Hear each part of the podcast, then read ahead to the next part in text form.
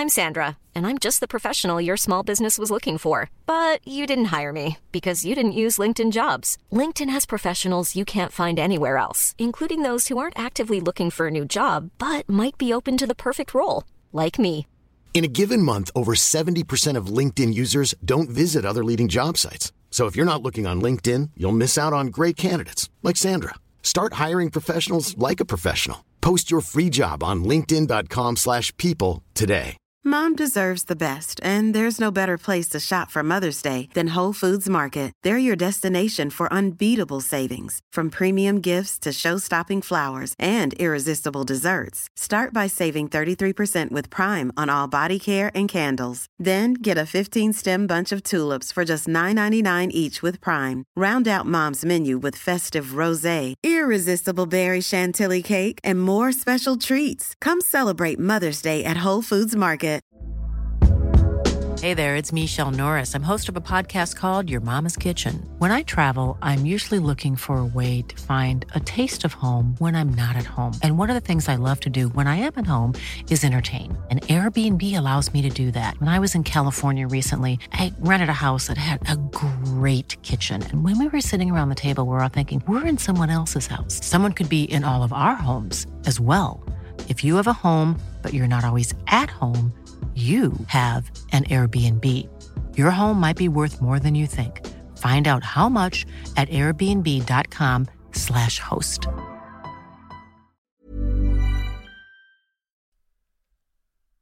Er du klar for pod, Øystein? Jeg er kjempeklar for pod. Nå har jeg tømt hengeren. Den har stått en stund, men eh, nå har jeg tømt hengeren og eh, fått alt på plass igjen etter et forrykende Oslo Motorshow. Ja. Det var, eh, det var et veldig bra show. Veldig bra show, og spesielt bra for Scootspoden, vil jeg si. Ja. Ja. Nei, vi, vi kjører den da. Ja, gjør det.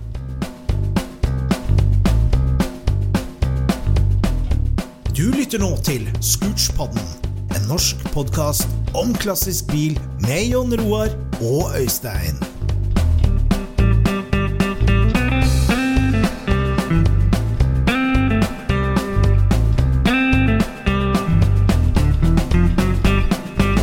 Yes, kjære Scootspod-lytter. Om du nå er en som uh, tok turen til det største frisleppet siden Erna åpna opp Norge, nemlig Oslo Motorshow, eller om du er en patrion som har fått klistremerke i posten og klistra det bak på hobbybil eller bruksbil, eller om du er en helt vanlig Scootspod-lytter som eh, setter på podkasten din i beste podkast-tid. Vi har vært på Oslo Motorshow, og velkommen hit til en ny episode som skal handle litt om Oslo Motorshow. Ja. Og lyden av norsk bilhobby. Lyden av norsk bilhobby. Vårt uh, nye presise slagord. For vi eh, rigga oss jo til, vi Jon Roar, rett og slett. Når, når Oslo Motorshow ble publisert for mange måneder siden, så meldte vi oss. Og, og vi fikk til en veldig hyggelig stand, om vi får si det sjøl. Ja, det ble ålreit, den. Ja, det ble bra, det. Ehm, god plassering. eh, 40 kvadratmeter. eh, Oransje tepper og ny, flott banner. Og så endte vi opp da med å velge logobilen vår, Rommertsen. Som eh, bare det at det er bart aluminium, gjør at eh, folk stopper opp automatisk. Ja, den er et eh, trekkplaster, rett og slett. Ja, Vi fant vel egentlig ut at det er lett å stille ut en bil, men det er vanskelig å stille ut lyd, egentlig. Lyden av bil, norsk bilhobby. Ja. Ja. Så, men, det var jo, men det var jo kjempeartig. Altså det, en ting er liksom Oslo Motorshow var fantastisk med 50 000 gjester og fullt show og sånn, men det, det var så artig, syns jeg, å prate om podden med folk. Det var artig. Ja, det var veldig moro. Jeg fikk jo anledning til å prate med noen, jeg òg. Ja. Sjøl om jeg sprang mye fram og tilbake mellom gasolin og Scootspoden. ja, det var ingen Men hver gang jeg kom tilbake, så storkosa du deg. Ja.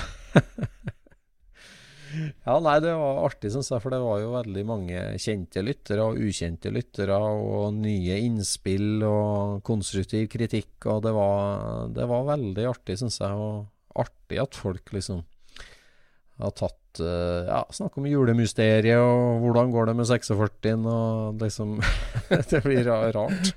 artig. Veldig artig. Ja. Så, veldig mye hyggelige lyttere, eh, både nye og, og etablerte lyttere som kom innom. Det blir jo veldig mm, visuelt når vi står sånn. Ja, det blir jo det. Så når vi, når vi eh, lager pod, så sender vi det ut i tomme intet, for å si det sånn. Og så, så sitter vi og venter på tilbakemeldinger og sånt nå. og Så, men her sånn så ramla jo folk innom helt uten at vi hadde egentlig gjort noe der og da. Ja, ja. Nei, det var, det var veldig artig. Og på en måte den geografiske spredninga imponerte meg. Altså, det var jo masse folk, lyttere, som hadde flydd langt for å komme til Oslo Motorshow, for å si det sånn. Og, og kjørt mm. langt. Så, så det, var, ja, det var veldig artig, det må jeg si. Så vi fikk jo lagd eh, stickers, klistremerker med Scootspoden, lyden av norsk bilhobby Mhm. som eh, vi eh, delte ut, solgt, uh, oppfordra folk til å bruke. Og så har vi jo sendt ut det i ettertid òg, til mm. trofaste lyttere. Det er artig. Ja. Hvis det er noen som har lyst på sånne, så kan de gå inn på, um, på VIPS på nummer 701683. Og så kan de gå inn og så kjøpe klistremerke og frakt der. Ja. Nei, det er herlig. Det er herlig. Og så rigga vi oss til da på, på standen vår med, med bilen, selvfølgelig. Hadde med oss to sofaer, og så hadde vi med miksebordet og tre mikrofoner. Og rigga oss til med et lite studio i hjørnet for å rett og slett spille inn lyden av norsk bilhobby. Ja, det var jo et forsøk i hvert fall. For det, det var jo veldig mye bakgrunnsstøy, men, men det blei vel ålreit i hvert fall. Ja, det tenker jeg at det viser jo bare stemninga og trøkket som var på Oslo Motorshow. Så gjennom alle de tre dagene så huka vi tak i kjente og ukjente. Folk som passerte, folk som var på stand og på messe og sånt, for å, ja, for å prate med norsk bilhobby, rett og slett. Og jeg er jo kjempefornøyd med gjesterepertoaret eh, som vi fikk. Ja, det ble ganske bredt. Ja, det ble det. Jeg syns at både i alder og, og type bil og geografi og alt mulig, så, så fikk vi spredt det der, og fikk en fin potpurri, vil jeg si, av uh, små inntrykk og intervju med, med hyggelige folk. Mm.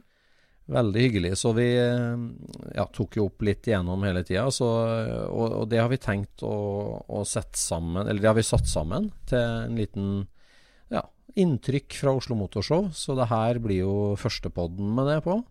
Mhm. Og, eh, så nå skal vi sende eh, prat med hyggelige gjester i Scootspod-sofaen på Oslo Motorshow. Da setter vi over til oss sjøl i sofaen. Ja, her på Oslo Motorshow så går det i ett. Og det er tydelig at eh, folk har hatt to år hjemme med både hobbytid og hobbypengepungen. For det er utrolig mye fint å se. Og en av eh, virkelig nestorene i norsk bilmiljø som vi greide å fange opp her på vei fra stand til stand, er vår gode venn Jon Winding Sørensen. Velkommen til Scootspodden. Takk, du jeg likte introduksjon. Du sa at her er det mye fint å se, sa Ja, du. Her er Jon. det, Ja. Ja, ja. Du er jo en mann, en mann i din beste alder. ja, riktig. Og jeg ser kanskje bedre ut enn jeg lukter, jeg vet det. Men i hvert fall. Vi fanger heldigvis ikke opp noe lukt her. Nei.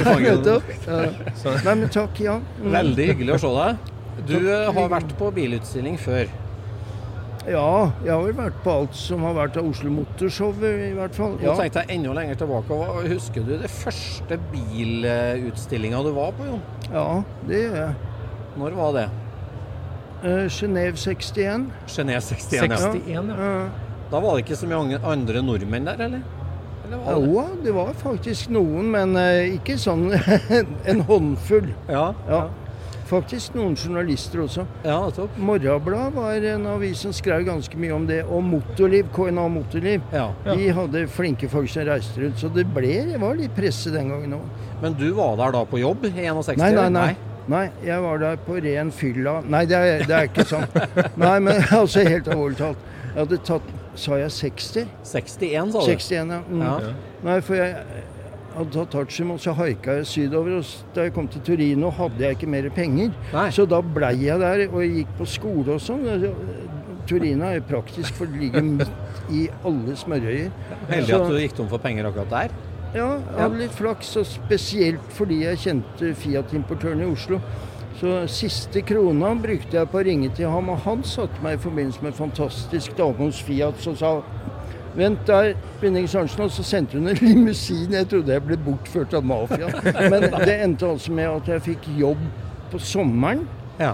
Eh, For Italia fylte 100 år i 61, og Torino var første hovedstaden der. Så det var en fantastisk kjempeutstilling. Der fikk jeg jobb, og så begynte jeg på skole på høsten. Ja. Mm. Og så endte du opp eh, på Genéve eh, autosalongen der. Ja. Og Torino-utstillingen på høsten. Og, Ja.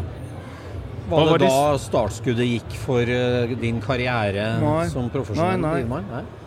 Uh, bestefaren din husker kanskje et blad som het Hva het det? Ja. Noe Vest eller noe sånt. Et Ja, et sånt Veldig- litet, ja. veldig langt blad. Ja. Utgitt av serieforlaget i Stavanger. Jeg tuller ikke, altså.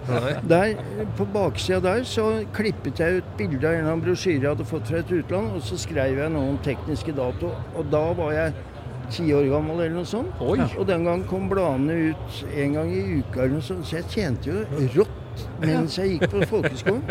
Men det var jo på den Da jeg fikk en onkel til å skrive et sånn malbrev på engelsk. Sånn I am a young eh, interested Norwegian boy, could you please send a brochure? Ikke sant? Den type. Og den adresserte jeg til Rolls-Royce England. Og så kommer det tilbake tjukke konvolutter. Men nydelig. De brosjyrene har jeg enda, så det var sånn det begynte. Det var sånn Ja. du begynte. Mm. Fy flate. Wow. Og så ble det til et, et liv med, bak tastaturet og med pennen, egentlig. Med, Ja, det ble egentlig det, fordi med Torino satt jeg midt i smørøyet og bodde i Maranello og var med på alt som skjedde den gangen. Ja. Og det var ikke mange utlendinger egentlig som hadde tett kontakt med italiensk industri, men alt om Maserati, Oscar, Ferrari som var i interesse. Så da skrev jeg med, Etter at jeg tok eksamen, så um, bodde jeg litt der og skrev med blåpapir. Jeg veit ikke om lytterne veit hva det er, men det betyr altså at den 13. kopien Jeg skrev for 13 blader. Den 13. kopien gikk til det bladet som ikke betalte dårligst, faktisk. For det var et blad i Australia, men det gikk til et blad i Tsjekkia. fordi du kunne ikke bruke de tsjekkiske pengene til noe som helst annet enn øl innenlands. ikke sant? Så den 13. kopien gikk, gikk til Var den litt sånn ekstra svak, den da, eller? Yes. Kunne jo nesten ikke lese hva som stod. Det var helt utrolig. Men ikke sant? en gang i måneden så måtte jeg ta meg sammen, og så måtte jeg skrive en artikkel til 13 blader eller noe sånt. Og det blei jo bare tøv etter hånden, ikke sant. Hvis jeg ikke tok meg sammen, så ville det gå fullstendig dass. Det var jo bare selskap og moro. Eh, Men så dro jeg hjem Nei, men nå er vi inne på det vi snakka om. Så dro jeg hjem, og så fikk jeg en jobb i et blad som het Moderne Transport. Og der jobba det en fyr som het Trygve Tuvre, og han og jeg satt og kjørte til bilutstillingen i Frankfurt. Og så eh, fant vi ut hvor innmari morsomt det hadde vært å lage et bilblad på norsk, for det fantes ikke.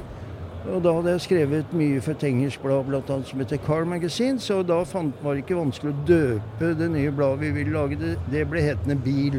ja. Ja. Og det er jo helt utrolig. Jo 1975, ikke sant? og det Ja. lever jo ennå, og det gjør jeg også. Så jeg har liksom et Nei, men alvorlig talt et felles mål om at jeg skal greie å se printproduktet fylle 50 år.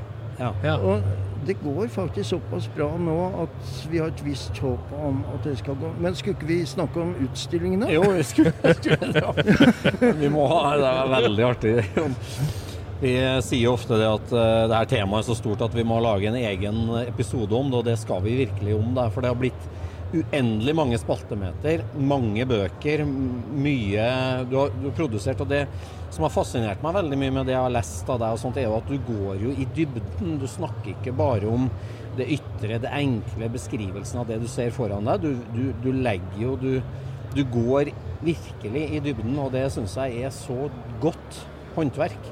Og så er jeg litt stolt av, i tillegg til å beherske det historiske, så er jeg flink til å fange opp det som er nytt. Ja. Vi har et blad som heter Bilfag, og der har jeg en dritgod, for å si det selv, artikkel om cash from the dash. heter det altså. Ja. Den kommende kontantstrømmen fra automobilene. Du kommer jo ikke til å betale noe for bilen din, men du kommer til å legge penger som bare det til produsenten for å kjøpe de programmene som er nødvendige for å bruke den bilen. Du ikke, ikke sant? Masse. Ja, ja. Og der er jeg også ganske flink til å ligge i forkant, og det syns jeg egentlig er litt imponert for. Ja. Alle kan drømme seg bort i en sånn romantisk fortid. Ja, Låse seg sin- til sin beste tid, liksom. Bare ja. sitte fast i Nei, så Perioden. eh, Ja. Det er derfor jeg syns det er så dritgøy å jobbe med dette fremdeles. For det gir meg jo muligheter til å følge litt med på det som skjer framover òg. Ja. Imponerende. Hva, hva, plukker du opp her nå på Oslo Motorshow? Det jeg plukker opp, er Og jeg blir så glad. Det er ca. tre dager siden jeg var hos noen veldig hyggelige folk. Men de er stort sett eldgamle alle sammen, sånn fra 60 oppover. Og er stort sett interessert i biler som i hvert fall skal koste 10 millioner. Gjerne litt mer.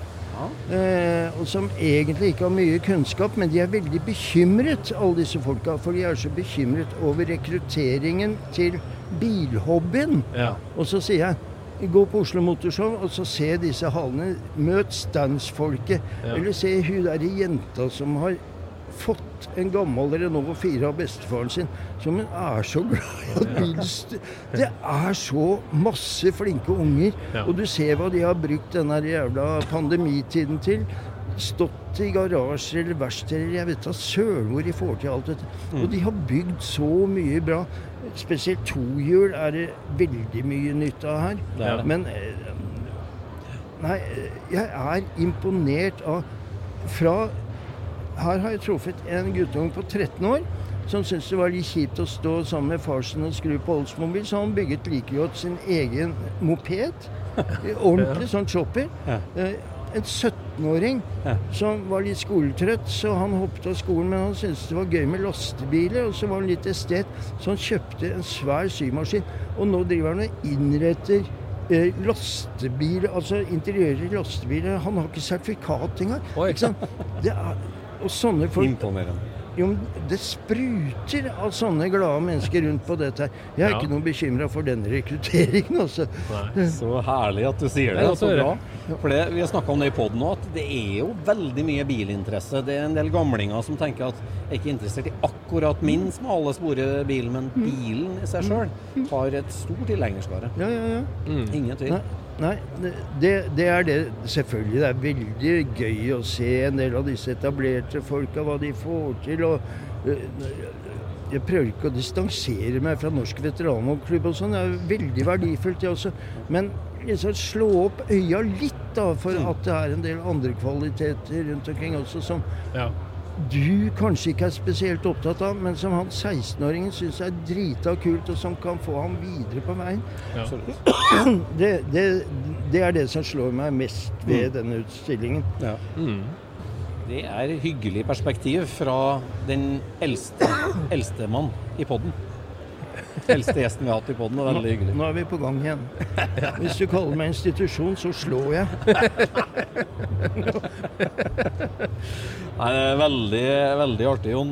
På, på skribentfronten, på skrivefronten, er det noen store ting du har jobba med det siste? Du snakka om Cash from the Dash.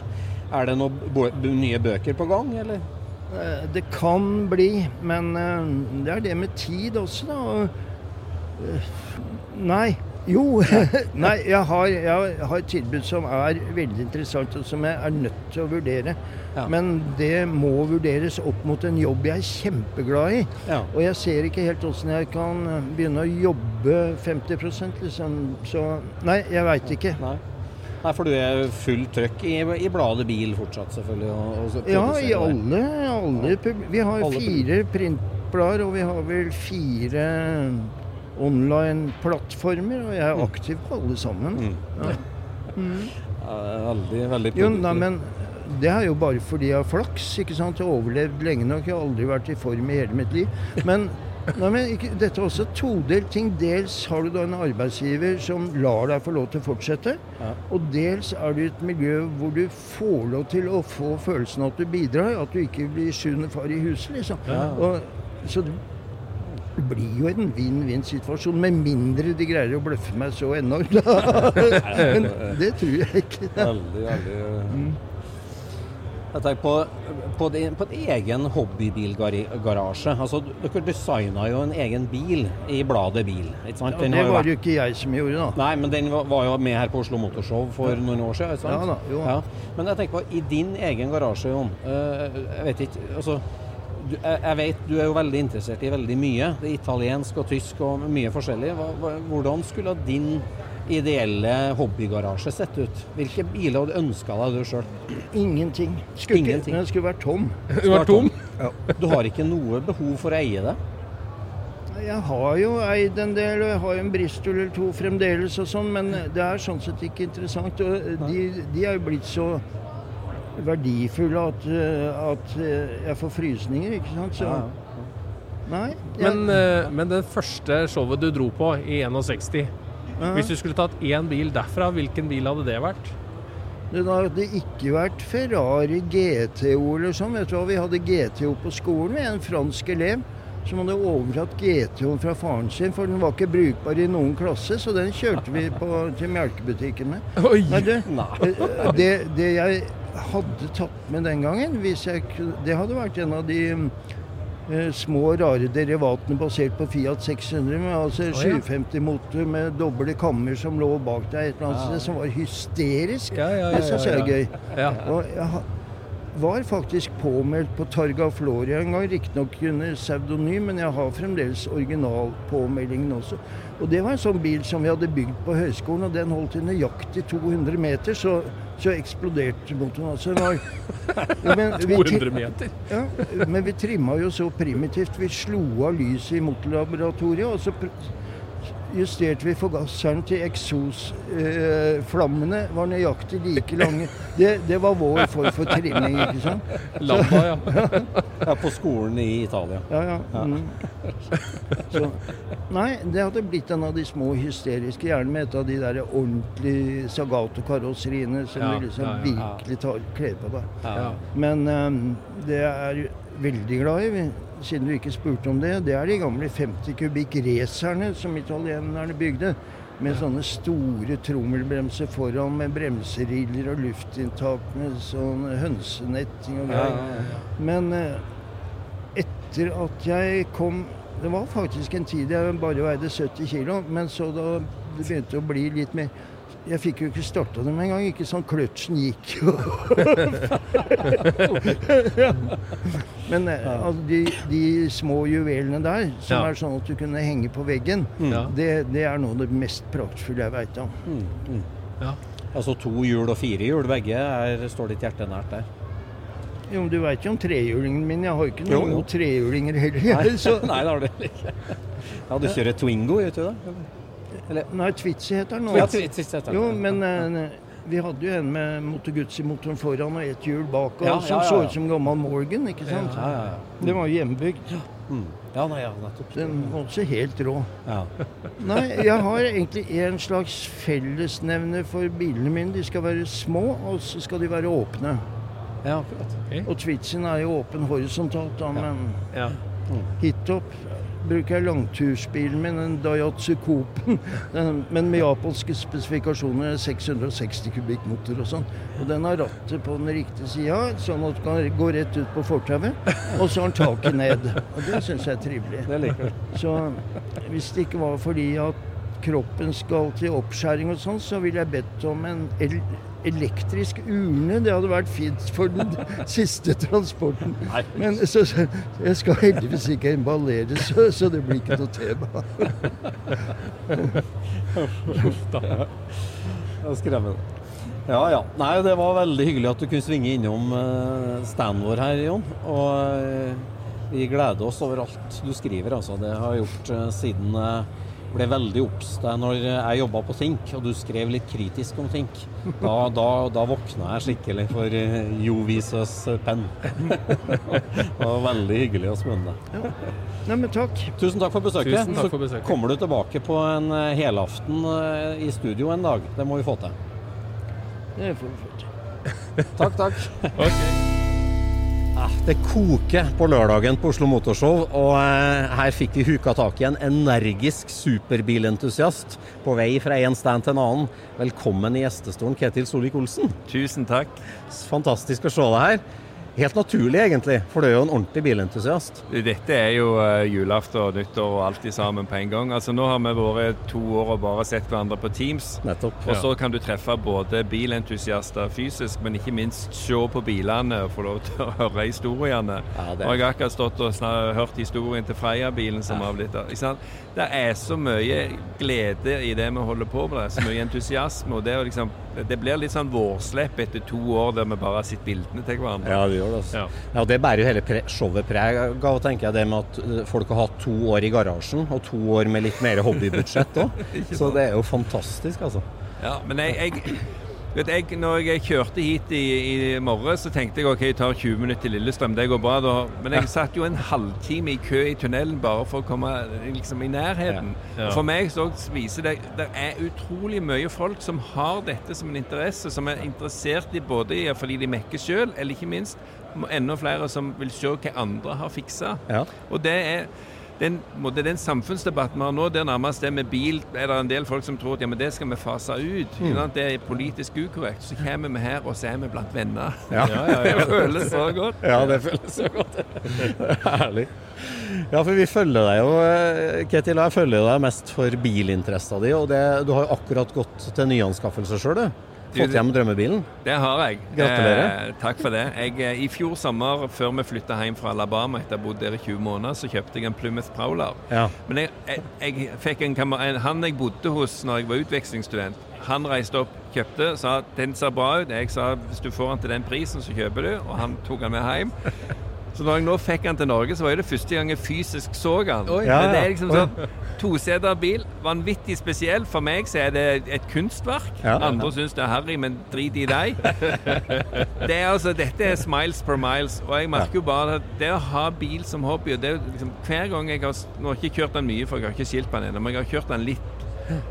Uansett hvor jeg stopper, så er det folk borte med en gang. Spør hva er det for noe. Er interessert i historie. Når jeg da går vekk fra bilen, så er det folk å ta bilder Altså, ja. det er altså en bilinteresse gryende i mange av oss Ja. som, som bare er det. Og det å Ja. vite at dette har vi til felles. Og drit i hvem vi stemmer politisk, og hvor du bor i landet, og hvilken familiebakgrunn du har. Dette forener oss. Ja. Ja, det er så sant. Også. Den personen og, og kjærligheten vi har for bil, på en måte. Altså det, det, det er så, altså, noen vier sin hobbytid til, til fotball eller teater og andre viktige kulturelle ting, men det her er jo, det er jo en sånn viktig engasjement. Og det, liksom det at du skal havne i en sånn miljødebatt, er jo bare trist. For det Altså- forkludrer hele bildet. Sånn som, altså, Jeg har en 85 Cadillac Seville, og nå har jeg denne 2001 Plymouth Prowler. Altså, Cadillacen 35-36 år, den er kjørt mindre enn 100 000 km. Det er jo noe av det grønneste bilen som er produsert på verden i forhold til CO2-utslipp. Altså I forhold til en Tesla som kjører 10 000 km i året, så på, på tysk kullkraft, så er jo Cadillacen min er jo på en måte ja. Sant? Sånn at det er så dumt ja, at vi ender opp med at det skal bli en sånn for eller imot bil. Ja, la, la oss gjøre noe med, med de store volumene og, og der det betyr noe, og ikke ødelegg for oss som har dette som en, en, en entusiasme og en hobby. Og vi, vi ser jo òg hvor mye kunnskap som ligger, hvor mye passion som er hos, uh, hos folk som driver med det. Og ikke minst Veldig mange av oss har gjerne sparka fotball når vi var yngre, og sånne ting, men, men du blir bare en passiv tilskuer som voksen. Bil og kanskje musikk er jo de to hobbyene der du faktisk kan praktisere det sjøl gjennom hele livet. For du trenger ikke være i fysisk form og sånne ting. Og du trenger heller ikke ha mye penger. Nei. Ikke sant? Eh, og noen av oss bruker mye tid på å fikse og mekke og og andre, mens meg Altså jeg er jo mer sånn eh, ja, jeg vet hvordan jeg skifter olje, men det er stort sett kjøre og polere jeg driver med. Ja, Ja, men liksom, Du kan komme inn på så mange ulike nivå, men du er likevel en del av laget. Ja, ja. Ja. Det er et veldig godt poeng.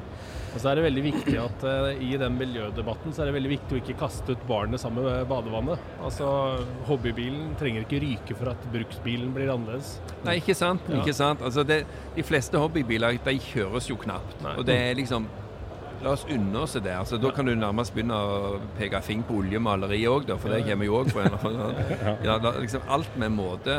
Men eh, jeg tenker jo at eh, som bilentusiast OK, drit i altså, La de kjøre opp prisene på nye biler. fordi at da blir 20 år gamle biler enda mer attraktive. Så får vi enda mer av klenodiene på veiene. Men det er jo selvsagt Kona mi hadde ikke vært helt enig i det, for hun skal alltid ha en bil som alltid funker, og skal ikke ha noe stress med det. Men Vi har alle ei sånn kone.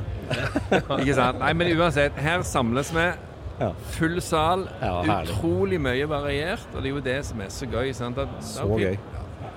Men uh, Prowleren, da. Hvorfor ble det Prowler for deg, egentlig? Hvorfor var, var, det Hvorfor? Fordi jeg bodde i USA Jeg var utvekslingsstudent i 89-90, og så studerte jeg der fra 94 til 97. Mm. Og dermed så var jeg i USA på den bilmessa i Detroit når han ble lansert som Ah. konseptbil første gang, og så kom han jo i produksjon i salg, altså som 97-modell, men i salg fra seint 96. Så da bodde jeg der. Og, og når jeg begynte å rote i T-skjorteskapet mitt, så fant jeg jo en, T-skjorte av Prowler som jeg kjøpte mens jeg bodde der. Så det er liksom den og Dodge Viper, begge de bilene, måte føler jeg at jeg har en, en relasjon til. Vi har bodd der og sett på bilutstilling og sånn. Ja. Sånn at nå har jeg fått tilfredsstilt den ene halvdelen av drømmen, det er å få en Prowler. Og så skal jeg fortsatt spare opp til den neste halvdelen, og der får jeg en Viper. Ja.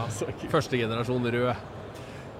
Det, det er noe Altså, jeg vet noen er liksom, jeg må ha de teknisk avanserte og sånne ting. tredje og fjerde, Men nei, for meg så er liksom de runde formene og hele og liksom, Det er bare at det er rått og brutalt. og Det er ikke, for, det er ikke forsøkt å være raffinert. sant? Nei, det er det nei, det det er er. rett og. Og det er liksom sånn, ja, det er det som appellerer til meg. For dette skal ikke være min hverdagsbil. Og jeg er heller ikke der at jeg kommer til å kjøre den på autobahn bare for å kjøre fortest mulig og fare for å ta livet av meg.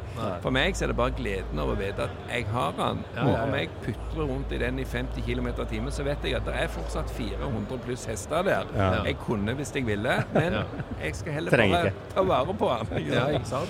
Hvordan var det da å sette seg bak rattet på den når du endelig kjørte den ut av containeren her på Hamar? Vet du, det var jo litt sånn skrekkblanda fryd, fordi at det er jo sånn OK Hans Gene, altså, som så på han, han sa at den er, den er flott, du kommer til å like den. Og jeg stoler på han. Men det ligger sånn Hvor mange striper er det egentlig i lakken? Sant? Er det skrape i felgen? Er det liksom skinn og sånne ting? Mm. Og når jeg da fikk den og liksom så Dette var jo bra. ja, Sånn, og så tar jeg den hjem, og så vasker jeg den, og da er jeg forberedt på at Men nå finner jeg alt Ja, dritt. ja. Og jeg bare vasker og vasker og vasker. Og så er det liksom sånn Så vidt du kan skimte når du står helt nære, at det er et par plasser med litt steinsprut. og Ja. sånne ting, Men selv når du er liksom en halv meter vekke, så forsvinner det. Ja. Og da er det bare sånn at. Hei! Sånn, 21 år siden produksjon, gått 15 000 miles nå. Ja. Den, eh, det skal være i familien eh, for alltid. Ja, så bra. Nei, men Neste Oslo Motorshow da, så har du egen stand snart da, med Cadillac og Prowler. Og... Ja, det får være en målsetning. det. Ja, det være en målsetning. Det var veldig hyggelig at du svingte innom Scootspodden. Veldig Tusen takk kjekt å for få være med. Dere har jo en fantastisk bil stående her, dere òg, så eh, Ja, da, all ære fra deres bidrag. Takker for det. takker for det, og, og tusen takk for besøket. Takk for besøket. Ja, Det er herlig her på Oslo Motorshow. Med, det er jo så mye kjentfolk og så mye trivelige folk å treffe. og Vi står her og prater, så kommer hele den skumle gangstergjengen fra Molde forbi. Moldestuket kommer forbi. Og så sier jeg at nå skal vi ha med dere på podden. Dere må nominere én representant, og da er selvfølgelig sjefen sjøl, Stefan Haabeth. Velkommen. Takk for det. Herlig. Koser deg på Oslo Motorshow? Ja. Veldig, veldig kjekt at det begynner å skje ting igjen. Ja, det er det. Det er det. Men det er jo litt for deg som har vært her på den røde løperen med egenbygd bil og sånn, du føler deg litt sånn halvnaken, eller hva sier Føler meg litt halvnaken. Det hadde vel, hadde vel ikke gått fem minutter engang før jeg sa til kompisen som er med her at eh, neste år må jeg ha bil her. Ja. jeg tror det er mange som kjenner på det. Nå i hvert fall det har vært som sier, tørke og nå åpner opp igjen. Det skjer når man går rundt her at folk har hatt tid i garasjene og hatt hobbypenger å bruke nå. Det er mye imponerende. Absolutt. Absolutt. Og det ser jeg jo ser, ser at folk er gira på, eh, på antall personer. For jeg har jo vært ofte på Oslo Motorshow. og eh, ekstremt mange i år på en fredag, så jeg, eh, Ja. det ser veldig bra ut. Ja, det gjør det. Ja, Når var her sist med bil, du da? Sist med egen bil var i 2014. 14, ja. Akkurat. Og da var det hvit korver? Da var det hvit korver. Det var det. Og jeg skjønte at altså, Den korveren husker vi jo veldig godt, mange av oss, for det var jo veldig forfriskende og nytt og spennende. Men du har jo havna helt i Corvair-gryta du nå. Hadde ei pause etter at de solgte den nevnte bilen, og så eh, gikk det jo så det måtte gå. da, Så jeg gikk jo egentlig litt på ræva, og da tok det plutselig litt av. Ja. Ja. All in. All in. Hva er det med korver som er så kult? da? Ja, godt spørsmål. Motoren går feil vei, kanskje? Ja, motoren går feil vei. Nei, det er en udda bil, kan du vel si. Jeg liker, liker at det er litt kanskje sært. Ja. Altså, det er jo kanskje ikke sært i så måte, men uh, sært i norsk skala. Eh, er jo vanvittig glad i alt av muskelbil, eh, Mustang, slike ting. Har jo en Mustang-prosjekt stående og slike ting, men uh, det er jo veldig mange som har det. Eh, forståelig nok, men har gått og blitt litt inn- innsnevra på at litt, litt mer skjære, kanskje. Ja. Ja. Ja, det er sært til gangs. Det, det har jo vært litt sånn uglesett i, i USA og egentlig blant eh, custom- og muskelbilfolk. Men eh, Ja. det er jo som du sier, at det har tatt seg opp der òg nå. Tatt seg opp veldig, veldig siste åra. Det har det gjort. Mm. Så jeg ser det at eh, nå begynner det å komme korvere på Micum og Barrett Jackson og slike ting. Og da Mm. det åpner jo opp øynene for folk, det òg. Ja. Ja, de prosjektene du holder på med nå hjemme i Moldestuk-garasjen, hva er det du koker sammen nå? Vil ikke snakke om det? Nei, jeg har holdt på med en eh, 67 kupé, blant annet. Ja. Det er jo da det vi kaller for en late-modell. Det er jo eh, det nyere karosseriet enn den forrige, forrige bygde. Ja, Ja. Det var jo det jeg egentlig var på jakt etter eh. Helt til å begynne med òg. Men da greide jeg ikke å skaffe noen, så nå eh, kom jeg over en og er jo egentlig godt i gang nå med den. da. Ja, ja. ja det, vi har jo snakka om den i poden i Korveren, for vi, mm, den er jo veldig unik i det at MK2-designet er mye penere enn første designet. Det er jo veldig utradisjonelt. ja.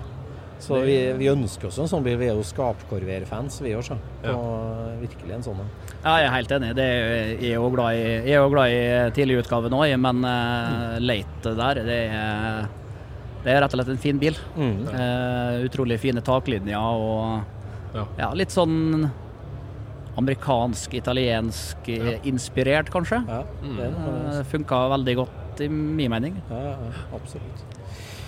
Da tenker jeg bare spole litt tilbake til hele Moldestuke-bevegelsen. For at altså, dere eh, kom jo som en veldig frisk pust, eh, leda av en av dere tre brødrene.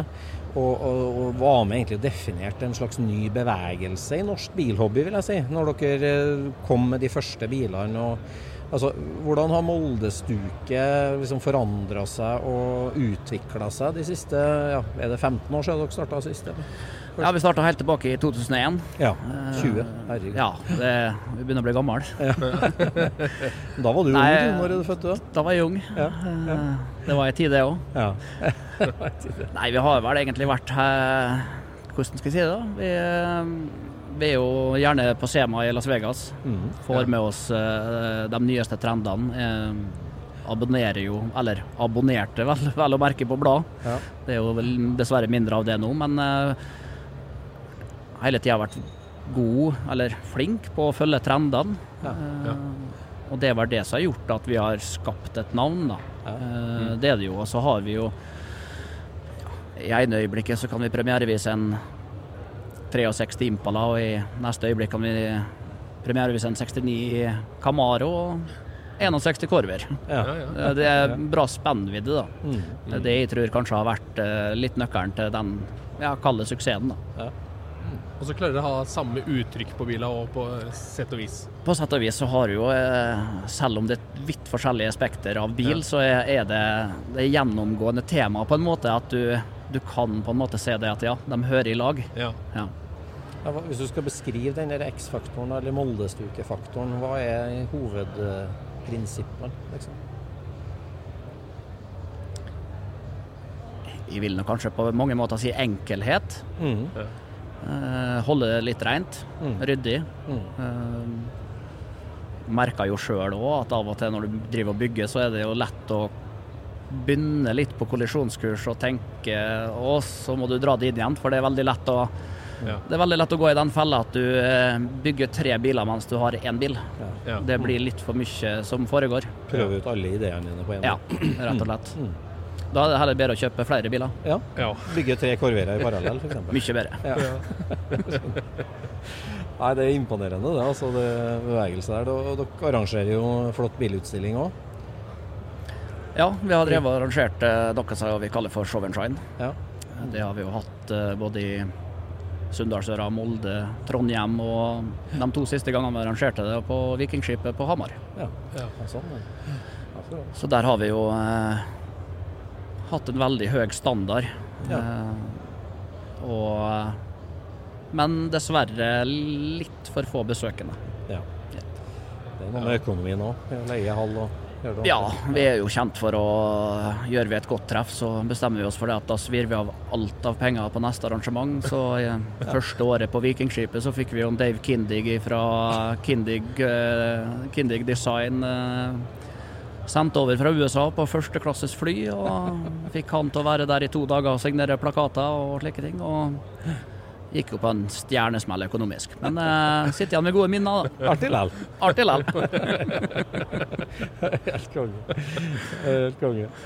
Nei, det veldig bra. Det, jeg tenker jeg vet at dere eh, har eh, flott lokale oppe i Molde, og der dere samles og skrur. og Vi snakker veldig ofte om det i poden at hvilken dimensjon av bilhobbyen eh, er liksom deg mest? Hva, hva, betyr mest for deg? Jeg snakker jo ofte om at denne jakta og historieforskninga er så viktig for meg. Altså Du da som på en måte, altså du har vært mye i USA, vært mye på treff. Du skrur mye, du, du designer mye og er veldig kreativ. på en måte. Hva, hva, slags, hva er det med bilhobbyen for deg som gjør det så hyggelig å være i en lekegrind her? Hvis du skal beskrive deg sjøl litt på det. Ja, bil er jo altoppslukende. Ja. Det er som jeg sier når jeg blir spurt eh, hvilken hobby har du, og jeg føler ikke at bil er hobby. Det, det, det er en livsstil. Ja. Eh, det er altoppslukende, rett og slett. Den kjenner vi oss igjen i. Veldig. Men eh, hvilken dimensjon av bilhobbyen, og når koser du deg mest? Liksom med, er, er, det i garasjen der med kompisene? Er det ute på veien? Er det på nettet, eller? Trives best i garasjen. Ja. Eh, planlegge det neste bygget, planlegge detaljer. Mm. Eh, selvfølgelig veldig trivelig å være ferdig med en bil og få premierevise den f.eks. på Oslo Motorshow. Ja. Eh, men det blir jo gjerne at en går allerede da og tenker på det neste prosjektet. Ja.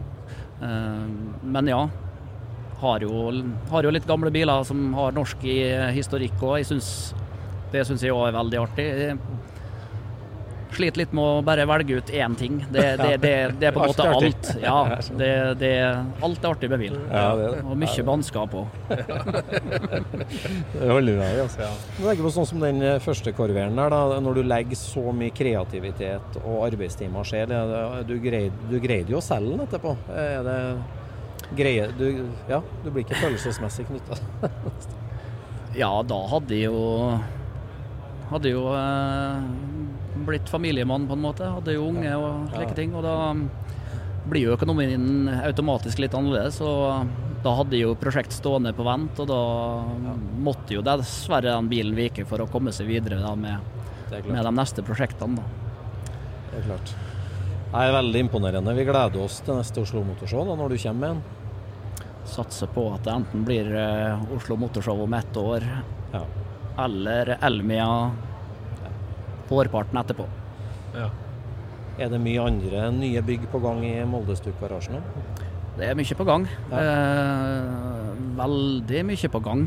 Ja. Eh, nå har jo ting automatisk tatt litt tid. Vi har som sagt et veldig flott verksted, så vi har brukt veldig mye tid på å, å, å få i stand.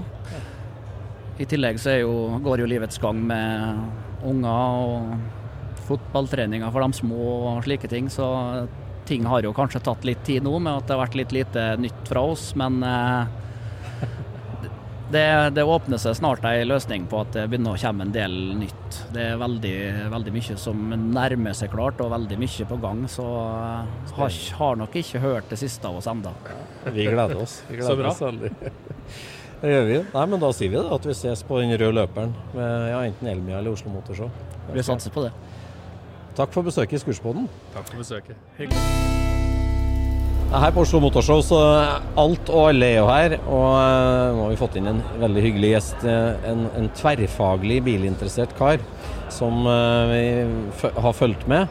Narve Noranger, velkommen hit. Takk skal du ha. Hvordan har du det på Oslo Motorshow? Du, jeg har det egentlig ganske bra. Ja. Eh, det er veldig trangt og uh, veldig mye folk. Og uh, det er litt vanskelig å orientere seg, så jeg måtte bruke tavler faktisk for å finne Freia-bilen. Ja. Ja. Som er da var på vei til når jeg passerte dere. Eh, men det er interessant. Det som jeg syns er kanskje mest spennende, er jo at det er så mye unge folk som er her. Ja. ja, det slår oss også. At her er det Vi er vant til å dra på biltreff og dra at snittalderen er høy, men her er snittalderen lav. Ja, det er, ganske, det er nesten som et gjennomsnitt av befolkningen, holdt på å si. Ja, det er sant. det. Det viser jo hvor, hvordan bil og bilhobby fenger. da. Ja. Jeg tror, jeg tror da, Hvis man ser på litt stort på det, så er det faktisk sånn at eh, det er veldig mange klubber i dag som går rundt og tror at de er i ferd med å dø ut, eller at forgubbinga er så stor at eh, Mm. det går skeis. Men eh, hvis du ser på det som er her, så er det jo egentlig bare å sørge for at de ja, får litt felles arena, flere felles arenaer enn Oslo Motorshow. Ja, ja, det er sant. For det er viktig at, eh, i hvert fall her nå, siden det her har blitt en slags sånn storstue, for det at alle, alle er her, og at vi er her både med førkrigsbil og etterkrigsbil. Men, men det er for få sånne multibilkulturelle arenaer, det er helt sikkert. Ja. Men du har jo en veldig sånn eh, bilstall hjemme som spenner vidt. Eh, vi har snakka om det på poden før, at liksom det med førkrigsregime, altså førkrigsbil kontra etterkrigsbil, at det, det er ganske sånn kløft der for en del folk. Du har jo et veldig bredt spekter av hobbybil. Eh, jeg vet det siste prosjektet ditt er jo en 20-taller. Jo da, det er veldig mye Typisk så har man blitt forma i ungdommen. Ja. Og Det som er litt eh, humoristisk, sånt, det er jo det at da når jeg var fire år gammel, da slapp jeg ut i eh, bakhagen til bestefaren min. Der hadde han en 29 Chrysler stående som eh, hagepynt, mer eller mindre. Okay. Og den brukte jeg til lekehus. Ja. Og når jeg var ca. 14 år, så syntes jeg at det var for galt at han sto bare der og rusta, så da fant jeg ut at jeg ville restaurere den. Ja. Og dette er jo nå da 45 år siden. Ja. Så siden så har jeg prøvd. Nei da, det, det, det er skilt på den nå. Så nå holder jeg på med en delebil til den. Prøver skal lage da, Istedenfor å bygge opp nok en originalbil, så prøver jeg da å bygge en bil som eh, er litt mer dynamisk med tanke på fartsressurser og uh, utseendet. ja. Ja. Så det blir en eh, Det skal bli en racerbil. racerbil, ja. 29 mile Chrysler basis, Ja. men med racerbilkarosseri. Herlig. Men eh, altså, du har jo 70-talls Du har jo både Mercedes, og du har Tatra, og du har Chrysler. Og Ja da. hva, hva, hva er den røde tråden i, i bilinteressen din? Eh, Jeg har aldri hatt Chevrolet. Det kan kanskje er en rød Jeg har tråd. Det er en aldri hatt eh, Volvo. Skjønner. Bortfallet av det er rød tråd. Jeg hadde folkevogn. Ja. Jeg fant ut at det hadde jo alle andre. Ja. Det her må vi klippe bort. dette tar vi Ja, bort. dette tar vi bort, ja. ja. Nei, men altså, jeg har, alltid søkt etter det desto eh, hva skal jeg si, utenfor det normale. ja. Og eh, samtidig så ser jeg at du kan jo egentlig ha det like gøy i en førkrigsbil som du har i en 50-60-taller. Ja. Eh, det er akkurat som vi snakker om eh, de minste engelske småspillerne. Sant? At eh, De er jo fantastisk morsomme i 40 km i timen. Ja. Du hiver de rundt rundkjøringene og føler at du er helt konge. Ja. Skal du få til det samme med Porsche 911, så må du på Rudskogen eller noe sånt. Ja. Og eh, det kan man egentlig overføre til mer sånn eh, 60-tallsbil versus 20-tallsbil. Det er veldig mye som er spennende med 20-tallsbil. Mm. Ja, det er sant. Herved er oppfordringa gitt til lyttere. Kjøp deg en 20-tallsbil. ja. Og det er jo billige. Ja. Det er jo, eh, kanskje de er på vei nedover i pris, da, men det er jo de andre òg, sier ryktene fra Tyskland. Så, Uff. Ja. så det, man skal aldri kjøpe bil med tanke på å tjene penger på det. Man skal alltid tenke det at uh, dette gjør jeg for at det er gøy. ja. Og hvis det skulle stige i verdi, så var det hyggelig. Og hvis det ikke stiger i verdi, så var det hyggelig likevel. Ikke sant? Det er sant. Nei, Du ble jo eier av en eh, hyggelig Tatra-plan her for noen år siden, og du viste meg bilder når du var henta den. Da kjørte du Mercedes eh, veteranbil, altså. Ja, det, det er viktig også å ha eh, hva skal jeg si, et slepeverktøy, eller slepebil som står i stil. Ja, veldig. Så jeg har jo vært på Sandviken Sundvolden Ja. med 68 Mercedes slepebil. Ja. Jeg tørde ikke kjøre 29 Chrysler fra Skien til Blommenholm, så jeg heiv den opp på henger. Ja. Og da fant jeg ut at slepebilen min var jo eldre enn ganske mange av de andre bilene som er på løpet. Jeg skjønner. friskt. friskt. Ja, har du begynt å skru på Tatraen da, eller? Nei, den, den er samla litt deler, og så eh, solgt litt deler. og Ja. ligger i diskusjon med folk som har støtfangere. Og, Ja, jeg vet. Jeg har hørt rykter om det der. Og Hvilken bil står, eh, eller hvilke biler fester du deg ved her da, på Oslo Motorshow? Du har snakket, nevnt Freia-bilen. Hva, hva annet er det du stopper opp ved? Jeg likte Ferjebilen, og så ser jeg litt av det på eh, altså, Du har jo disse såkalte såkalt eh, kunstferdige, altså showbilene, Mm. som er jo trekkplaster for veldig mange. Mm. Eh, men noen av dem ser ut som at de er støpt i plastikk. Mm. Og eh, da er det egentlig Du kan beundre håndverket, Mm. Og så er det enkelte innimellom. Du ser at de har liksom, de har fanga litt mer tidsånden. At det er ikke bare bling. Ja. Men det er faktisk litt sånn at det ser ut som at det kan ha vært i bruk, Mm. Ja. og ikke kjøpt Dem uten kilometer. Slike stopper du opp ved. Og Ja, det, det, det er mer spennende enn det, altså. Ja, ja, ja. Nei, Det er veldig hyggelig. Det er jo, det er veldig mye motorsykkel òg, syns jeg. Jeg gikk meg en liten tur her, og det, det, det er mye artig kreativitet på to hjul òg, som uh, vi ikke snakker så mye om i poden. Men, eh, Nei, men det, si. Godt poeng. Det er faktisk sånn at de er kanskje til og med flinkere enn bilfolket. Det er jo enklere å flytte på. Ja. Men det, det ser ut som det samler for hele landet. Og ja. Det, det, og der er liksom, jeg vet ikke, jeg skjeler ikke så mye til tohjulingsmiljøet, men også det her med, med patina og gammel reisduk og en del sånne ting er jo det er akkurat det samme trendene. Ja, så det er veldig hyggelig. Ja, nei, du skal hjem da og gjøre deg ferdig med 29 Chrysler eh, racerbil, eller er andre som står først i køen?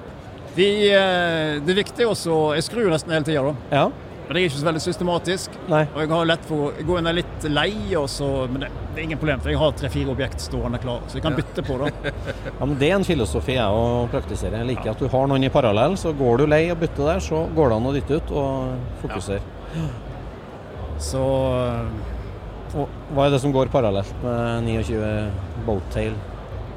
jeg holder på med Mercedes 124, da. ikke fullt så eksotisk, men eh, det er veldig bra bil. Veldig bra bil. Ja. Og uh, meningen er å gjøre den litt tettere, slik at den kan holde ut en vinter til. Ja. Og så har jeg en Mercedes 126 Ja. som jeg har pusset opp. Som jeg prøvde å legge ut på Finn. Det er jo ingen som vil ha den. Nei? Så eh, den skal jeg nå gjøre ferdig. Så skal jeg stue den vekk og så ta, ja, ta den fram igjen til våren. Og så ser vi om det er noe mer interesse da. Ja. Herlig. Nei, men Det var veldig hyggelig at du tok tida til å synge i Skurtspodden. Så skal vi la deg slippe videre over til Freia-bilen. Takk for det. Takk for besøket. Det er herlig. På Oslo Motorshow så møter vi jo all slags folk. Og vi har hatt en del gjester i, her i stolen nå som snakker om at det er så kult å se ungdommen. At det er så mye yngre folk, og det er så mye spennende ting, og det bygges mye, og det er så mye spennende. Derfor så er det veldig hyggelig at vi fikk med oss en representant for den nye vinen. Den unge, yngre generasjonen. Brede Stenbakken, velkommen til oss. Tusen takk, tusen takk.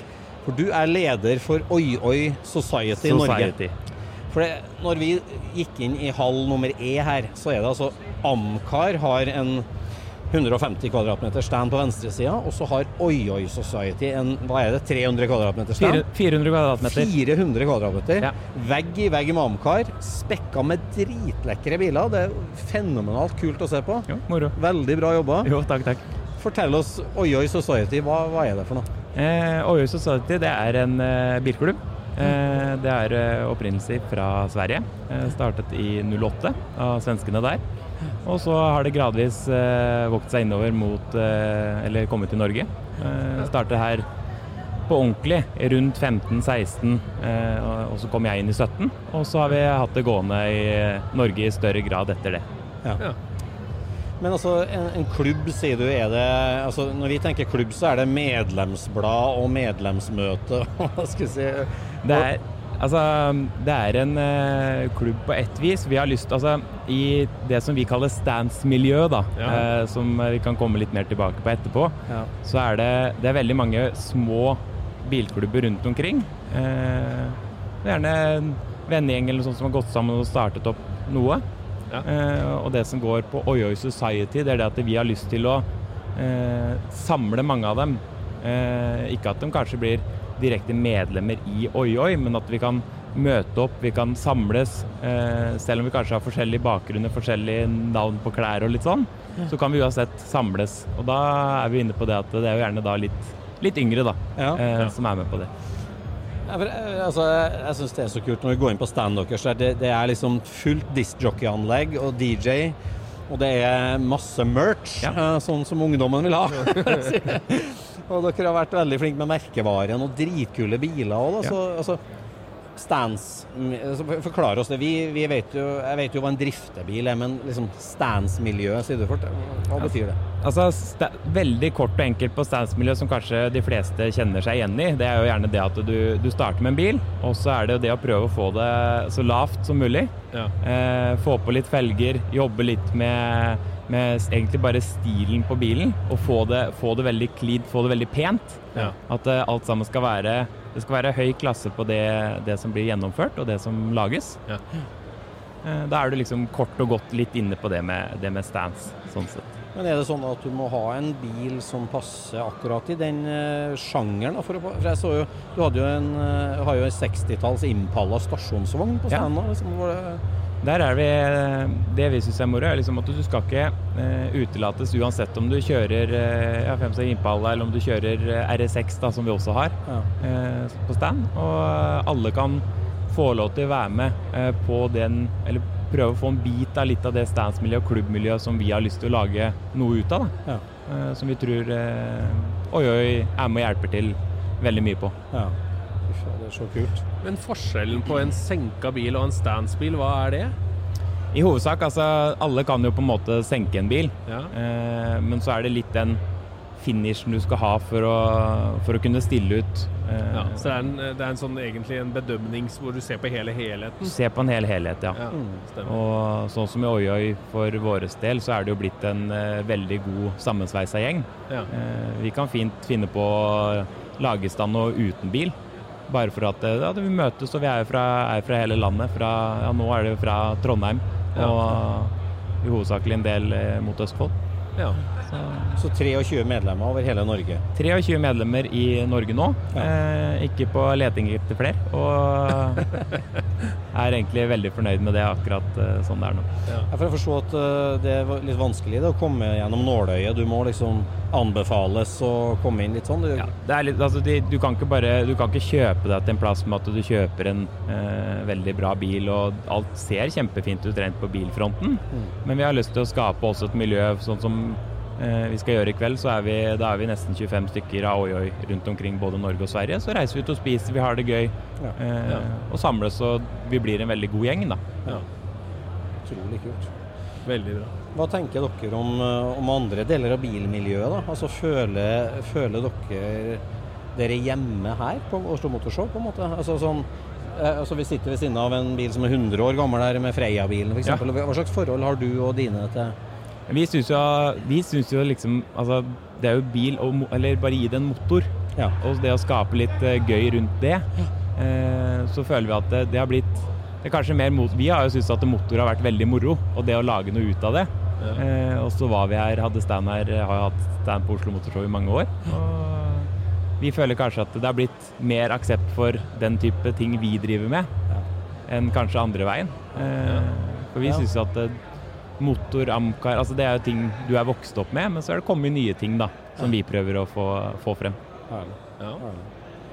Hva slags bil har du sjøl, da? og Hvordan er den bygd? Eh, nei, nå så driver vi og skal bygge en eh, Nissan S14. Ja. Eh, som vi forhåpentligvis eh, får sett på Elmia i påsken. Oi. Eh, Ja. for da har vi, eh, eller Oi Oi Society, ansvar for en egen hall Ja. på Elmia i påsken. Så på Bilsport sin messe der. Så da blir det egen, egen hall som er ja. Hvis du har vært på Oslo Motorås, så har du, tar du halve hallen her.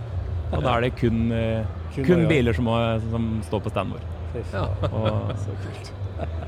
Hvor mange medlemmer er det i Sverige, da? 25. 25 cirka, der ja, der er det. Så vi er ca. 50-50 delt, som det er i dag. Men dere ser for dere å arrangere treff da, der alle standsbiler er velkomne, liksom? eller? Ja, det gjør vi. Så nå har det, vært, eh, har det jo vært litt på, på hell eh, siste året pga. Ja, på grunn av koronasituasjonen vi har vært i. Og, eh, så nå blir det i hvert fall ett treff i Norge og ett i Sverige i løpet av 2022, som eh, vi arrangerer. Og så er det jo i tillegg da Oslo Motorshow. Vi har jo Elmia som er veldig stort, og, og sammen Ja. med Bilsport. Ja.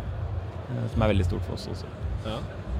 Men liksom det gatebilmiljøet, da. Du kommer jo selv fra Grue og hele altså det om, området der. altså sånn klassiske gatebiler i Norge. Det, det, dere har en annen standard egentlig da, på ting, tenker du? Ja, altså vi prøver jo å få en litt høyere standard, mm. uten å virke veldig cocky på det.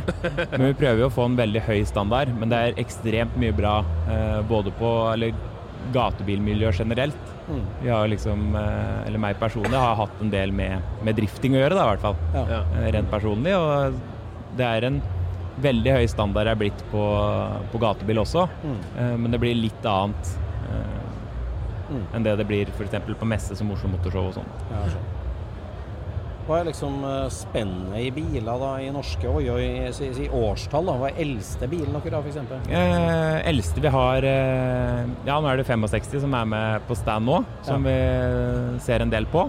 Eh, som vi har liksom har kjent lenge, men han har har valgt å ikke være med, men han er med. Men ja, litt sånn eh, både òg. Men per i dag så har vi en 94-modell eh, NSX, ja. som er den eldste. Som er eldste. Som er eldste. Og så har vi ja, en Audi RS6 som, eh, som er ganske høyt oppe. Og så har vi en 2020-modell Toyota Supra. Den ja. nyeste. Men Kan man se forskjell på en svensk Oi-Oi-bil og en norsk en? Det kan du gjøre. Det kan eh, på ett vis, og det er litt fordi at eh, mye av det som bygges i Sverige, kan du ikke gjøre i Norge. Oh, ja. Du har ikke har jo ikke sjanse til det. Det er litt høyere takhøyde der borte? Det er litt høyere takhøyde. De har litt mer muligheter enn det, enn det Norge tillater per i dag. Da. Ja. Eh, men stilen blir jo mye det samme, det er bare dratt litt lenger. Enda litt lenger. Ja. Mm. Det er det.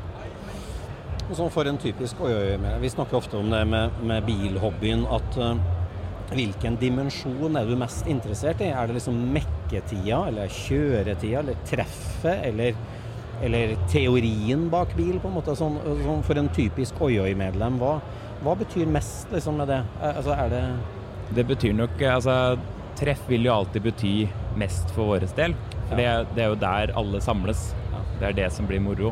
Men så har du litt den sjarmen med Eh, sånn som nå, som dette, dette, er siste treffet vi har i år, alle møtes her. Mm, ja. Og så starter liksom den kommunikasjonen, den hjelpa, den mekketida, fine tida som kommer nå egentlig, da. Ja. Fram til ja, rundt februar, tenker jeg. Ja. Da de fleste begynner å bli noenlunde ferdige. De har lagt en plan for 2020. Eller ja, får man forandre på bilen hver vinter, eller? Ja, så godt som. Eller du gjør noe. Ja. Eh, det er jo mange av oss som kjører på, eller som har luftunderstell. Ja.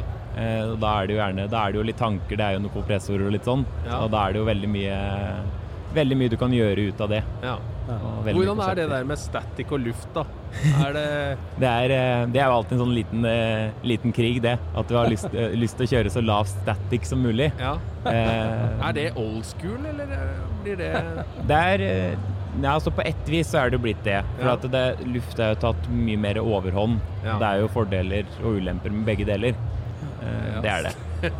ja, jeg ser ikke så mange fordeler med å kjøre veldig lavt static, men uh, Nei, men de som, eh, de som skal liksom ha bestemt seg for at nei, jeg skal static bil, da skal ja, være så lavt som mulig, ja. og så, så, tar de de problemene som kommer. ja, ja, ja, kommer kjørende der. Vi har jo For en gamling nå, static det betyr he, låst Ja, eller coilovere. Ja. Okay. Eh, eller veldig enkelt bare at du har en demper, det er fast høyde. Du kan ikke heve den veldig enkelt opp og ned da, uten nei, nei. å gå inn og skru. Og nei, den nei, sånn. mm, akkurat. Mm. Du kjører luftgjæring på din? Kommer. Ja, jeg, har kommer. Kjørt, ja, jeg har kjørt dette, og så blir det. Ja. Men i dag så ligger vel en bil med luftfjæring vel så bra på veien, gjør den ikke det? Altså... Ja, de ligger veldig bra. Ja. Uh, så lenge du en, kjøper et ordentlig sett, ja. og med belger og alt sammen, ja. og en ordentlig god styring, så kan du like gjerne kjøre, uh, kjøre det. Nå er det jo ikke alle bilene våre som Det er ikke så mange av dem som brukes på vinteren. Da Nei. får du heller ikke det kondensproblemet og fryseproblemet med Nei, stemmer. Ja, for det er noe jeg har ikke tenkt på. Ja. det er, eh, så det er jo, ja, det er jo kompressorsetup, og da, ja. da, blir det fort litt kondens og litt vann. Og, som vinteren hadde det blitt et lite problem, men uh, per i dag så går det fint. men kommer, du, kommer noen inn på Oslo Motorshow f.eks. med bil som er helt lik som eh, fjoråret, eller velger du da de som har satt seg gjennom vinteren? Nei, altså Det er jo en uh, vurdering vi tar med tanke på hvor stor stand har vi. Ja. hvordan Vi prøver å få inn noe nytt hvert år, for det er jo litt moro. Mm. Og så er det moro å vise fram litt nye ting, ikke ja. bare ha samme bilen hvert år. Ja. nå er vi jo såpass heldige egentlig da, at vi har mange som syns det er litt moro å gjøre litt nye ting. Ja. Så, så akkurat nå så er det ingen som er helt like som de var eh, i 19, Nei, nei, nei. når det sitt var eh, Oslo Motor Show. Ja. Og så blir det spennende å se nå i vinter fram til eh, neste års Ja. Oslo Motor Show. Er det, noen, er det noen råhotte trender du kan tipse om, da? Som, som kommer? Altså det, som, det som kommer til å gå gjennom, i hvert fall i, i hvert fall i vinter, det er å få mer Eller i hvert fall mange som hører på her. Hvis du ser en bil med luft, så kommer du til å se veldig mye bedre bagasjerom. Oh, ja. Eh, nå har vi alltid fra Altså Vi har jo en her som har lagt, eh, eller lagt Alcantara alt sammen baki. Laga skikkelig Red Bull-tema Ja. der. Ja. Eh, så det blir, eh, blir litt mer stereo bak, for det blir, kommer mer. Og så mer setup generelt rundt i bagasjerom for å få en mer helhet. Ja, er det som kommer. Så, Ja. Alt, fra, alt fra parkett til Ja, det kommer mye, i hvert fall. Så bra. Kjempekult. Vi gleder oss. Ja, så bra. Veldig hyggelig at du svingte innom Scootspodden her. Jo, tusen takk. Og Tusen takk. eh, opplyste oss litt. Veldig artig. Prøv på det. Takk for det, så gleder vi oss til å se bilen din på Elmia. da. Ja, vi satser på det. Så er dere, må dere ta turen dit òg, alle sammen. Ja da, skal vi. Så bra. Kjempefint. Vi prates. Takk. Tusen takk. Ja, ja. Ha det godt. Ja, eh, alt som kryper og går har kommet seg til Oslo Motorshow, og det har, det har kokt her i dag på, på lørdagen. Ja. Eh, en av dem som kommer eh, fra der ingen kunne tro at noen kunne skru. Olav Kvipt, velkommen hit. Ja, tusen takk for det, Øystein. Veldig hyggelig å se deg. Eh, Vi følger deg jo på Instagram og forskjellig, og du har jo så mange jern i ilden, og det er så fascinerende å følge med på Det er på gamle hus og gamle custom-biler. Ja, det er to jern som vi har veldig i ilden. Det er Ja. biler og hus. Og nå skjønner jeg at du er på vei til å virkelig bli kjendis òg, at NRK har fulgt deg. Og Ja, ja. det er et produksjonsselskap som har hengt på meg i to år. Såpass? Ja da, det har vært med, holdt jeg på å si, med jevne mellomrom og sjekka framgangen på diverse bilprosjekter jeg har holdt på med. Og så har vi vært i eh, Amerika to ganger. Ja. Så det var veldig moro. Så vi får sett litt fra Norge. Ja. Der er det merkeren min, en annen merker og en Plymouth som de har vært med på. Og så er det å sette opp De har vært med på tre forskjellige tømmerhus. Og så er det bilbygging i Amerika. Der bygde jeg en T-Ford på ti dager. Ok. Så får de med prosessen fra start til slutt på den, da. Ja. Og så var vi med å arrangere Customs by the Sea i Santa Barbara. Ja. Ok. Så det er jo litt moro. Så det blir liksom litt sånn ymse for de som er glad i lev landlig interiør og sånne ting. Og så Ja, er det jo for ja. de som er glad i matlaging og vasking. Litt sånn husmorporno. og så er det jo da de som liker biler. Og... Ja, ja, ja, ja. Fenomenalt. Hvem som har kommet på denne ideen her, da? Nei, de så meg på internettet, Ja. og så spurte de om jeg var interessert i å være med å lage en serie. Ja. Mm, Først så jeg nei, for jeg tenkte at nei, huff a meg, kan ikke det. Men så så jeg reprise av Der ingen skulle tro at noen kunne bo som vi var med. Ja. Og så syntes jeg det var så artig å liksom se um, familien min den gangen, da, for det var Ja. 15 år siden jeg var spila inn. Ja. Jeg tenkte fader, det hadde vært litt tøft å spile inn sjav, og så liksom se tilbake på dette når du er gammel, da. Ja, ja, ja, ja. Og, sønnen så ut når jeg var ung, og der Ja, er ja, mamma og pappa. Og, ja. jeg tenkte ja, det får bare flesketid. Ja, ja, ja. Ja, for du tok over ei slektssæter, ikke sant? Og flytta Ja. oppover. Ja. Eh, familiegarden eh, som jeg kommer fra, den heter jo Kvipt. Ja. Kvipt er et vikingnavn og betyr innhegning. Ja. Eh, Den har blitt i familien siden 1290. Ja. Så jeg er generasjon nummer 23, og Ola Kvipt er niende. Så du kan si at den har vært det, det var Jeg tror foreldrene mine var veldig glad for at det var noen som tok over, da. Ja. Ja. Sånn at det ikke ble ferieplass. Ja. Ja. Og da var jeg 22. Så var jeg ferdig med utdanning og sånt i California. Og så bygde jeg meg verkstad og flytta hjem igjen da, Ja. egentlig. For kombinasjonen norsk håndverk og laftatømmer, og, og så er du altså på fornavn med alle de store legendene i California som bygde custombil. Det er en veldig uvanlig kombinasjon. Hva, hva, er, hva er den røde tråden? Hvordan henger det sammen? Det er fascinasjon for egentlig håndverk. Ja. Eh, Både når det gjelder stål og tre. Ja. Og jeg liker veldig godt den kombinasjonen å veksle på de to. Ja. For eh, stål det er et arbeid som tar veldig lang tid. Ja. bruker mye timer og du ser lite progresjon fram til du får på lakken. Ja. Mens når du driver med et ja, et timmerhus, da, Ja. så er det plukka ned på en dag. Og du kan nesten sette det opp på en dag. det er liksom litt sånn Hus går fort. Ja. Hus gjeng fort, og så ser du nøkker veldig fort. Så du ser progresjonen ganske mye kjappere enn det du gjør med bil. da. For jeg kan stå og jobbe på en skjerm i ei vike. Ja. Du ser nesten ikke forskjell, ikke sant? Nei. Hvis du ikke vet at du skal se etter, da. Ja. Her kommer du med gode argumenter for å bygge et eh, lafta hus. ja, Jeg burde teste det. Ja. Det blir litt mer ti år til bil, da, hvis Ja. det lafter et hus. Men én ting det ikke er bra for, det, er- det, er- det er ryggen. Ja, ok. Det burde egentlig kalles løfting. ja. Løfting og ikke lafting. Ja. Så jeg liker egentlig å veksle på de to. Ja, er veldig greit. Og så er det veldig fint på vinteren Ja. drive med bil, for da har du garasjer garasje du kan varme opp. Ja.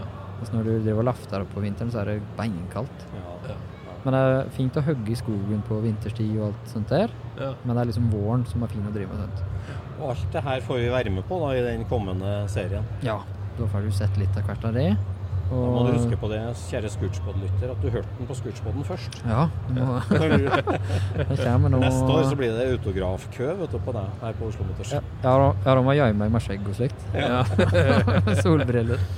Men dere, altså Jeg er jo mangeårig abonnent på det eh, fantastiske nyhetsbrevet, eller hva skal jeg si, online-skriveriet som du og broren din, Custom Rama, står for. Wikipedia på ombygde biler og hotroder. Ja, nettopp. Og den fascinasjonen og interessen for det Altså, du, du har bodd i California, og du har, du har gått inn og ut dørene til alle de her legendene skal si, som gjenlever i dag. Kom fascinasjonen din for det før du flytta til California, eller mens du var der, eller fortell litt om Nei, fascinasjonen for det kom nok når jeg var Jeg kan ikke huske det sjøl engang, den har alltid vært der. Men det, det, det som fenga meg mest, det var ombygde biler når jeg var liten. Ja. Mm. Spesielt eh, Det var to brødre som heter Barris. mm. George og Sam. Og da husker jeg jeg så en artikkel Det var før jeg kunne lese, egentlig. Eh, Så jeg hadde min andre bror, han som heter Are. Ja. Så hadde han eh, med seg en bunke bilblad fra biblioteket. Ja. For der var det Wheels, som eh, biblioteket i Fyresdal tok inn. Ja. Og så lånte vi det, men vi leverte nesten aldri tilbake.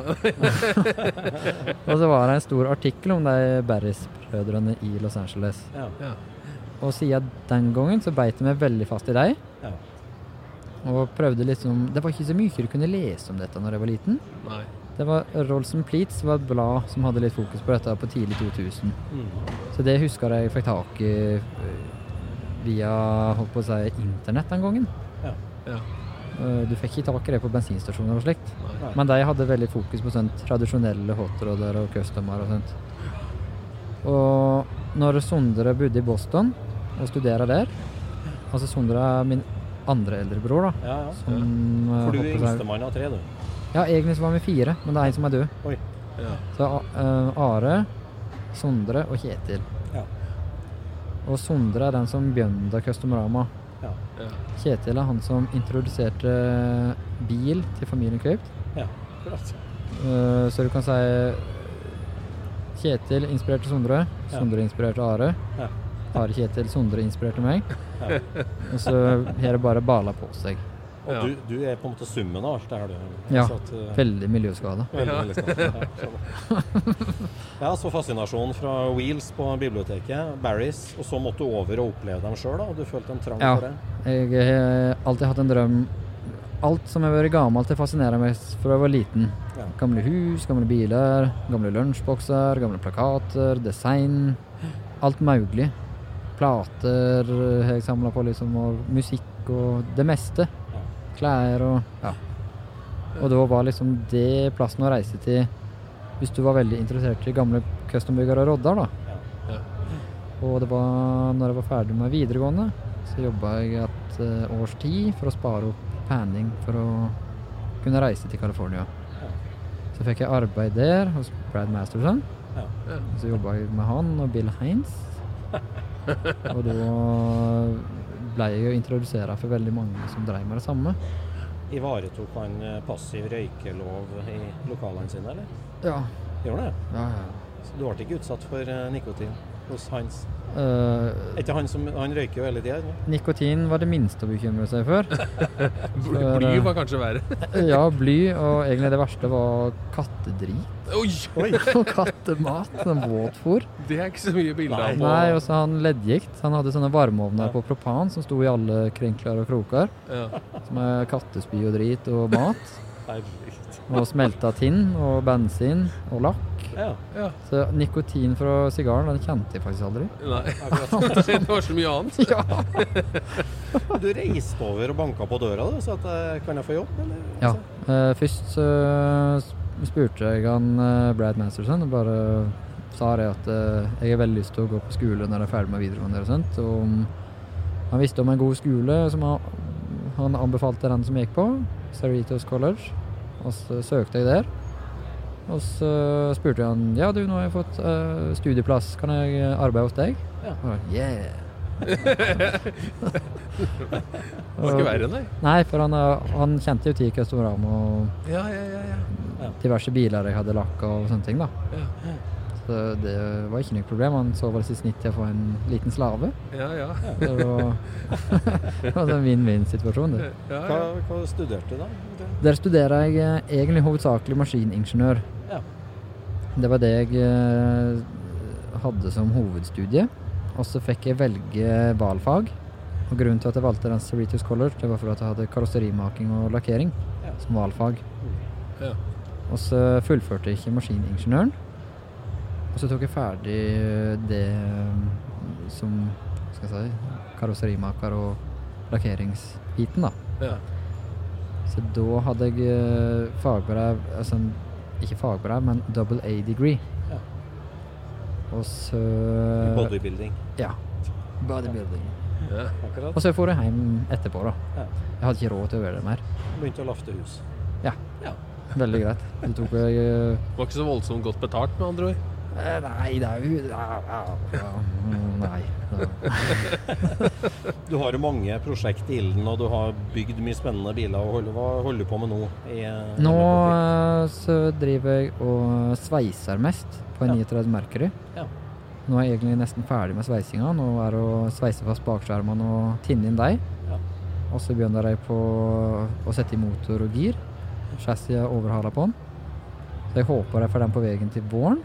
Litt hårete mål, for det er en bil som har stått i jungelen i Mexico siden 64, som var veldig røten. Som manglet, Det var bare skall, egentlig. Ja. Og så er det en 55 Mercury som nå er klar for å monteres. Som har fått en del eh, krom tilbake fra krumsjapper, og interiør er ferdigsydd, og motor er straks ferdig overhala, og girkasse og sånne ting. Ja. Og så er det håper jeg, oppgradering av en Amazon, jeg er to. Ja. Jeg eh, skal oppgradere de to. Den ene nå i vinter. Og så skal jeg lakkere en 55 Ford F100 pickup som jeg hadde i California. Det er en gammel custom-bil som jeg kjøpte av eh, en av de originale medlemmene i Hells Angels. Som han kjøpte ny i 55. Ah. Den skal jeg egentlig strekke opp, tenkte jeg. Det er veldig mange som syns den er fin patina nå. Så jeg har liksom ikke hatt hastverk med det. Men det har vært en utstillingsbil, en sånn custom-bil på Ja, ja, 50-tallet. ja. Så jeg vil tilbakeføre den til det. Uh, det er litt hårete å ha så, så mange mål.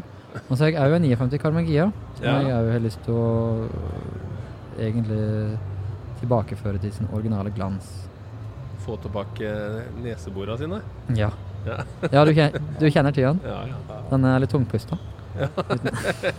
Det er litt artig det, da. At du, den første bilen du skal ta fra custom til original, det er en Carmagia. Ja, det rimer jo ikke helt, egentlig. Nei. Men, Jeg hører det mange biler som her nå nyter godt av det å reise til seters og gjøre seg fet. Ja. Oh, catching! Veldig, veldig artig. Hvordan inntrykk eh, gjør Oslo Motorshow på deg? Hva plukker du opp her? nydelig å få litt eh, påfyll av inspirasjon. Ja. For nå har det vært i to år der jeg kokelura med meg sjav og blitt halvgal. Og, eh, fantastisk å få andre bilinteresserte mennesker igjen, og ikke bare folk som vil ha mat og Og står med kamera foran deg. Ja, ja, ikke minst. Ja. Nei, så det var egentlig nydelig å komme hit og høre motordur og kjenne bensinlukt. Det gjorde jeg på vei inn òg, for å si det sånn. For lukta jævlig inn i Jeg fikk eksoslekkasje, det ja. Ja, ja, såpass. Og så må jeg si at eh, det preger miljøet at det har vært mye garasjetid, for det var veldig mye fint å se på som jeg ikke har sett før. da. Mm. Ja. Så jeg tror folk eh, koser seg, selv om det har vært kanskje en tung tid for mange òg. Mm. Ja. Så jeg er veldig glad for at folk prøvde å gjøre noe bra ut av det. Mm. Så det Ja, er jo kjempebra. Det er veldig artig å se. Det er. Mm. Ja, og så er det en fin unnskyldning til å holde seg i garasjen. da. Ja. Ja, det er det. Så, Så du blir motivert til å hjem og tinne inn skjermer? ja, egentlig så når jeg var på vei inn, så havna jeg i så jækla masse kø. Så var det liksom åh, jeg burde nesten heller vært hjemme og arbeidet på Merkeren. Ja.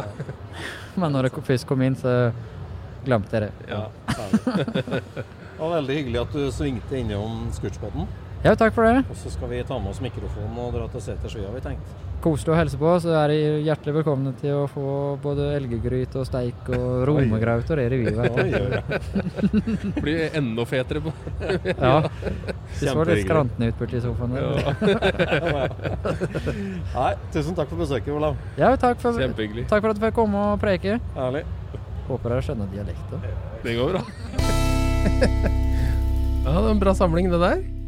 Ja, Kjempebra samling. Og tenk det, da. En forhenværende samferdselsminister til meg. Så det er jo Scootspoden leverer, altså. Ja, og Olav Kvipt. Olav Kvipt Det er jo så artig. Og Håbet da fra Moldestuket, som jo innførte egentlig et nytt begrep for oss i Scootspoden, med det at uh, siden vi fikk denne meldinga fra når vi snakka om Future Liners, at vi var ikke presis nok, så elska jo vi det. At vi som tror vi er nerdete, fikk beskjed om at vi var ikke nerdete nok. Så, så liksom at vi legger lista der, det var jo veldig artig å få han i, i sofaen. Ja, det var veldig artig. Så, så um, jeg syns det var en veldig fin representasjon fra, til første eh, episode. Og så blir det en ny Oslo Motorshow-episode òg neste uke. Og da skal vi vel komme tilbake og prate litt mer om hva vi syns om eh, showet. Ja, det må vi jo gjøre. Men det lar vi jo vente. Det lar vi vente. Takk for i dag. Vi snakkes. Ha det bra. Scootchpoden produseres av SSC Media, med god hjelp av VV Norge og Trond Dahl for hosting, Knut Micaelsen for musikk. Abonner på Scootchpod via podcaster eller Acast, og følg Scootchpod på Instagram og se det vi snakker om. Der kan du også komme med kommentarer og innspill, og fortelle oss hva du vil høre om.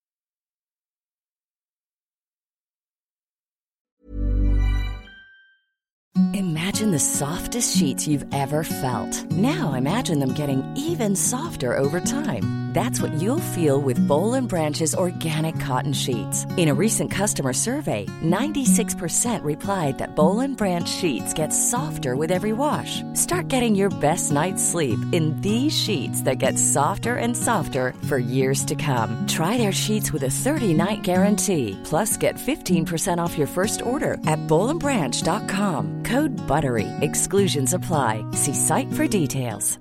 Mom deserves the best, and there's no better place to shop for Mother's Day than Whole Foods Market. They're your destination for unbeatable savings, from premium gifts to show-stopping flowers and irresistible desserts. Start by saving 33% with Prime on all body care and candles. Then get a 15-stem bunch of tulips for just $9.99 each with Prime. Round out Mom's menu with festive rosé, irresistible berry chantilly cake, and more special treats. Come celebrate Mother's Day at Whole Foods Market. Hey, it's Paige DeSorbo from Giggly Squad. High quality fashion without the price tag. Say hello to Quince. I'm snagging high-end essentials like cozy cashmere sweaters, sleek leather jackets, fine jewelry, and so much more. With Quince being 50 to 80% less than similar brands. And they partner with factories that prioritize safe, ethical, and responsible manufacturing. I love that. Luxury quality within reach. Go to quince.com slash style to get free shipping and 365 day returns on your next order. Quince.com slash style.